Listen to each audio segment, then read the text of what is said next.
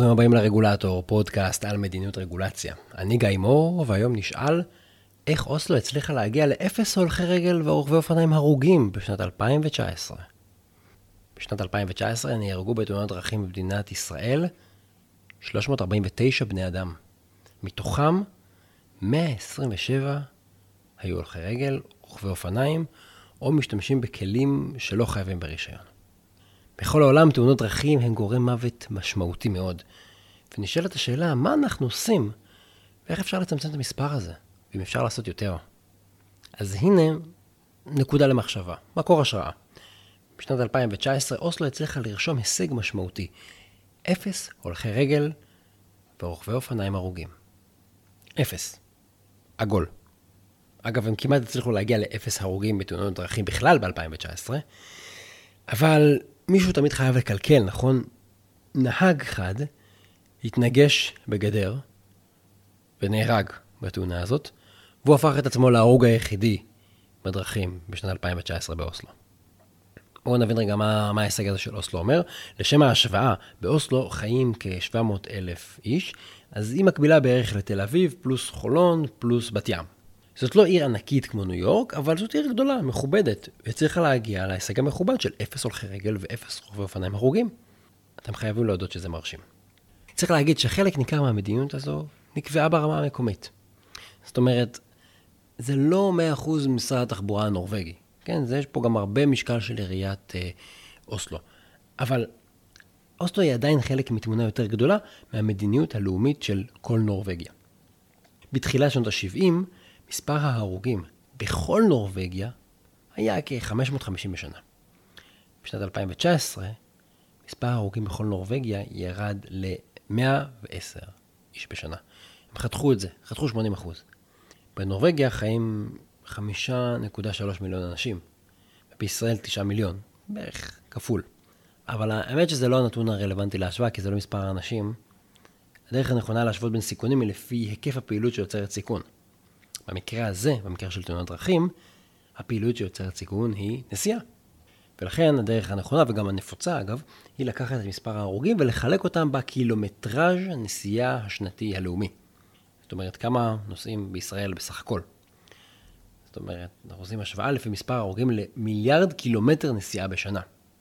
אם זה מעניין אתכם, בישראל מדובר על 5.9 הרוגים למיליארד קילומטר נסיעה בשנה, שזה אגב מספר לא גבוה. נורבגיה היום עומדת על חצי.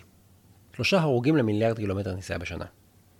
במילים אחרות, אפשר לומר שאם נהפוך לנורבגיה, אנחנו נמנע חצי מההרוגים בתאונות דרכים בשנה. יעד טוב, יעד ראוי. אז איך הם עשו את זה? מה אוסלו פיצחה? אז תראו, כמו הדברים האלה בדרך כלל, התשובה מורכבת מכל מיני דברים. יש פה תכנון מחדש של התשתיות, יש פה אכיפה יותר טובה, ויש פה אפילו שיתוף פעולה בין מגזרי. אני רוצה לתת שלוש דוגמאות לאבני היסוד של המדיניות הזאת. אז נקודה ראשונה זה שאסור להוריד ואסור לאסוף ילדים ברכב פרטי מחוץ לבתי הספר היסודיים. הרעיון פה הוא די פשוט, יש מאחוריו היגיון. ילדים בגיל בית ספר יסודי לא יוצאים מבית הספר ברגל, אלא עולים לרכב של ההורים או לתוך האוטובוס, אבל בתנאי שהם נמצאים בתוך שטח בית הספר. והמטרה היא בעצם לצמצם את החיכוך של ילדים קטנים עם כבישים, וככה גם נצמצם דרמטית את הסיכוי שהם יחצו כביש. ויש פה עוד יתרון אגב, אין פה מפרצי חניה בסגנון אה, נשק וסע שאנחנו מכירים בישראל. בעצם מקום כזה שהרבה הורים עוצרים את הרכב כדי להוריד את הילד. למה זה טוב? כי העצירה הזאת יוצרת פקקי תנועה, ואז גורמת לנהגים לנסות לעקוף את הרכב של ההורה שעצר. ואיפה הם עוקפים? בדיוק במקום שבו ילדים חוצים את הכביש. זה ממש פעילות מגבירת סיכון במקום שאנחנו הכי הכי לא רוצים, במקום שהילדים הכי פגיעים. אם נסתכל על ההוראה של, של הנורבגים מהצד, אז בעצם אפשר להגיד דבר כזה, תראו, יש פה אזור עם סיכון גבוה, נכון? יש פה הרבה ילדים קטנים שהם גם פגיעים, גם לא רואים אותם, הם גם לא כל כך מבינים כביש, וליד בית ספר יש המון ילדים, זה מקום קלאסי עם סיכון.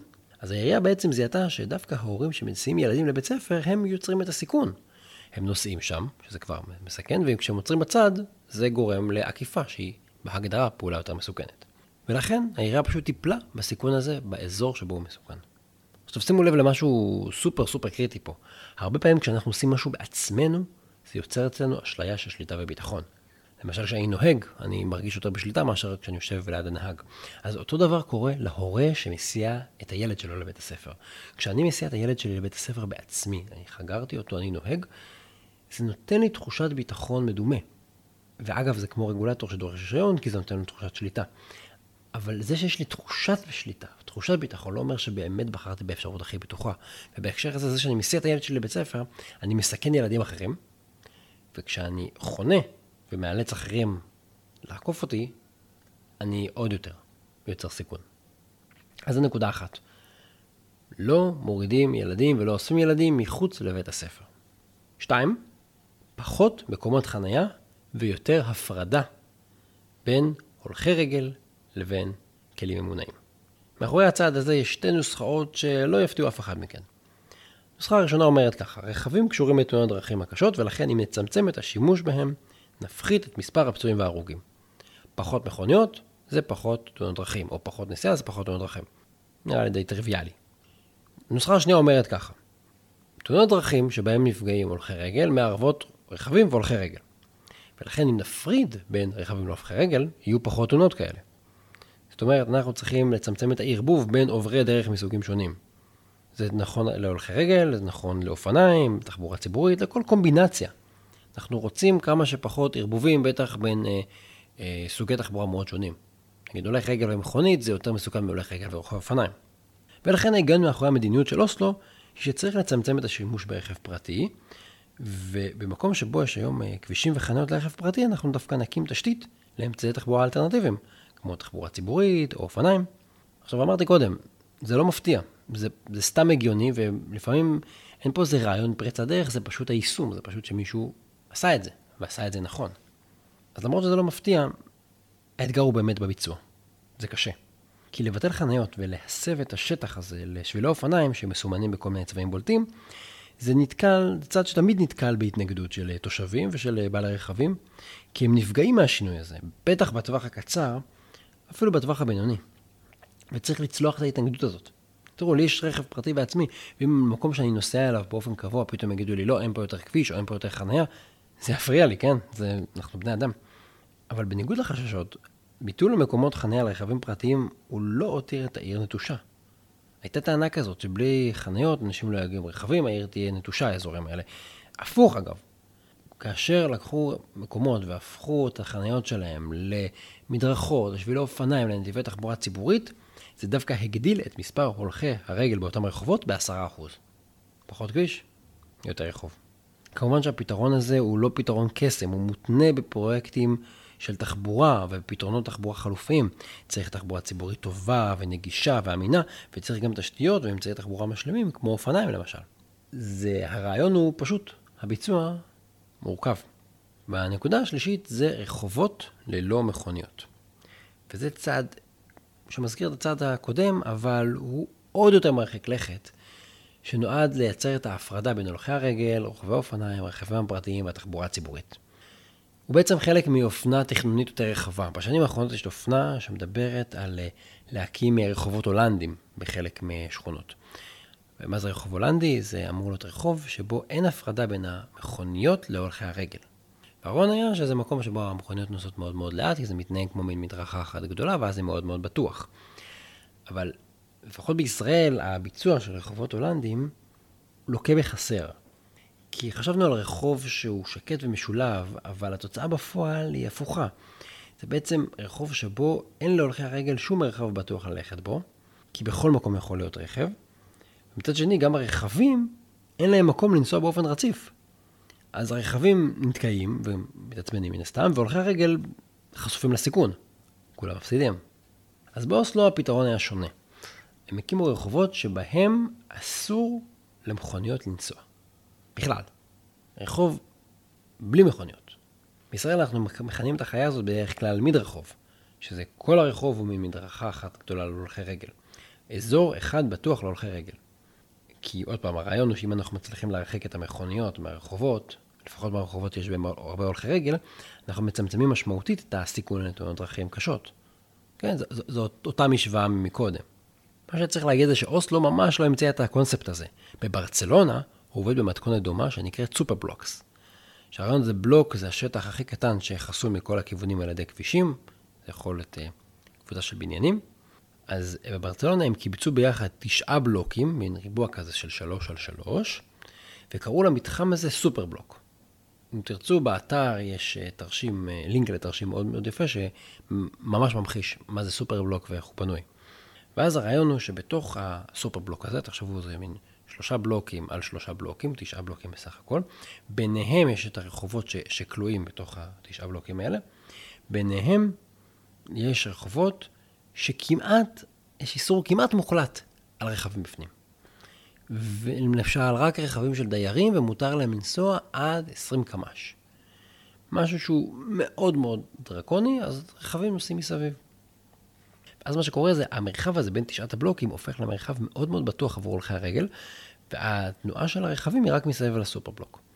אגב, ברצלונה מאוד חזקה בזה, אבל עוד ערים בוחנות את זה, למשל סיאטל בוחנת את זה היום, וכנראה שהקונספט הזה הולך להתרחב. אז זה הקונספט בוורסיה אחרת, אבל אנחנו רואים שהוא קיים גם באוסלו, גם בברצלונה, כנראה בעוד ערים זה הולך לקרות. מה ששווה להגיד זה שלפעמים אנחנו מבלבלים את הפתרון של רחוב ללא כלי רכב עם אגרות גודש. אבל מדובר בפתרונות שונים מהותית. אגרת הגודש היא פתרון תחבורתי, שנועד לנהל יותר טוב את התשתית של רכבים פרטיים. רחובות ללא רכבים הוא פתרון בטיחותי, שבמידה מסוימת אה, נועד אה, למנוע מרכבים להיות שם, כדי אפילו, אפילו להגדיל את העומס, כן? כי יש יותר רכבים ויש להם פחות כבישים. אבל הוא נועד להפריד בין רכבים להולכי רגל. אלה דברים שונים, אחד הוא תחבורתי, השני הוא בטיחותי. אם מסתכלים על הפתרונות של עיריית אוסלו, בסך הכל אנחנו מבינים שהפתרונות האלה מבוססים על רעיון של תכנון עירוני, הוא קודם כל ממוקד בהולכי הרגל. וזה לא רק בגלל שהולכי רגל הם פגיעים יותר, אלא בגלל שכל אחד מאיתנו הוא קודם כל הולך רגל. כי שיטת ההתניידות הכי בסיסית שמשותפת לכולנו היא הליכה. נכון, אנחנו לא מכוניות, אנחנו לא רובוטריקים, אנחנו קודם כל בני אדם. חלק מאיתנו נכנסים לרכב, נוהגים בו, נוסעים בו, משלמים כרטיס לאוטובוס, אבל אנחנו קודם כל הולכים. אי אפשר להחליף את הקונספט הזה של הליכה, גם אם ננסה. ויש ערים שנבנו ב-40-50 שנים האחרונות שדי התעלמו מהולכי רגל והתמקדו ברכבים פרטיים, אבל זה פשוט לא עובד. ואת הקונספט הזה שעיר צריכה להיות קודם כל מבוססת הליכה וקודם כל מבוססת הולכי רגל, ממש לא אני המצאתי, גם לא הנורבגים, גם הם לא המציאו את זה. אני חושב שהקול הכי צלול בנושא הזה, זה הקול של אה, ג'יין ג'ייקובס, שהיא חקרה מה תורם להצלחה או לכישלון של ערים אמריקאיות. אם תרצו באתר יש לינק לספר שלה. אז דיברנו רגע על תכנון, בואו רגע נארוז את זה. צריך להגיד שהמעבר לרחובות ללא מכוניות הוא גם מתחבר לאג'נדה סביבתית, כן? כי כמובן רכבים פרטיים אחראים לחלק משמעותי מזיהום אוויר, פליטת פחמן דו-חמצני, אז זה מתיישב להם עוד דברים. והאמירה האחרונה לסיפור הזה זה שתפיסתית, הרעיון של רחובות בלי מכוניות הוא השינוי הכי דרמטי היום, כי הוא נוגד את התרבות של רכב פרטי.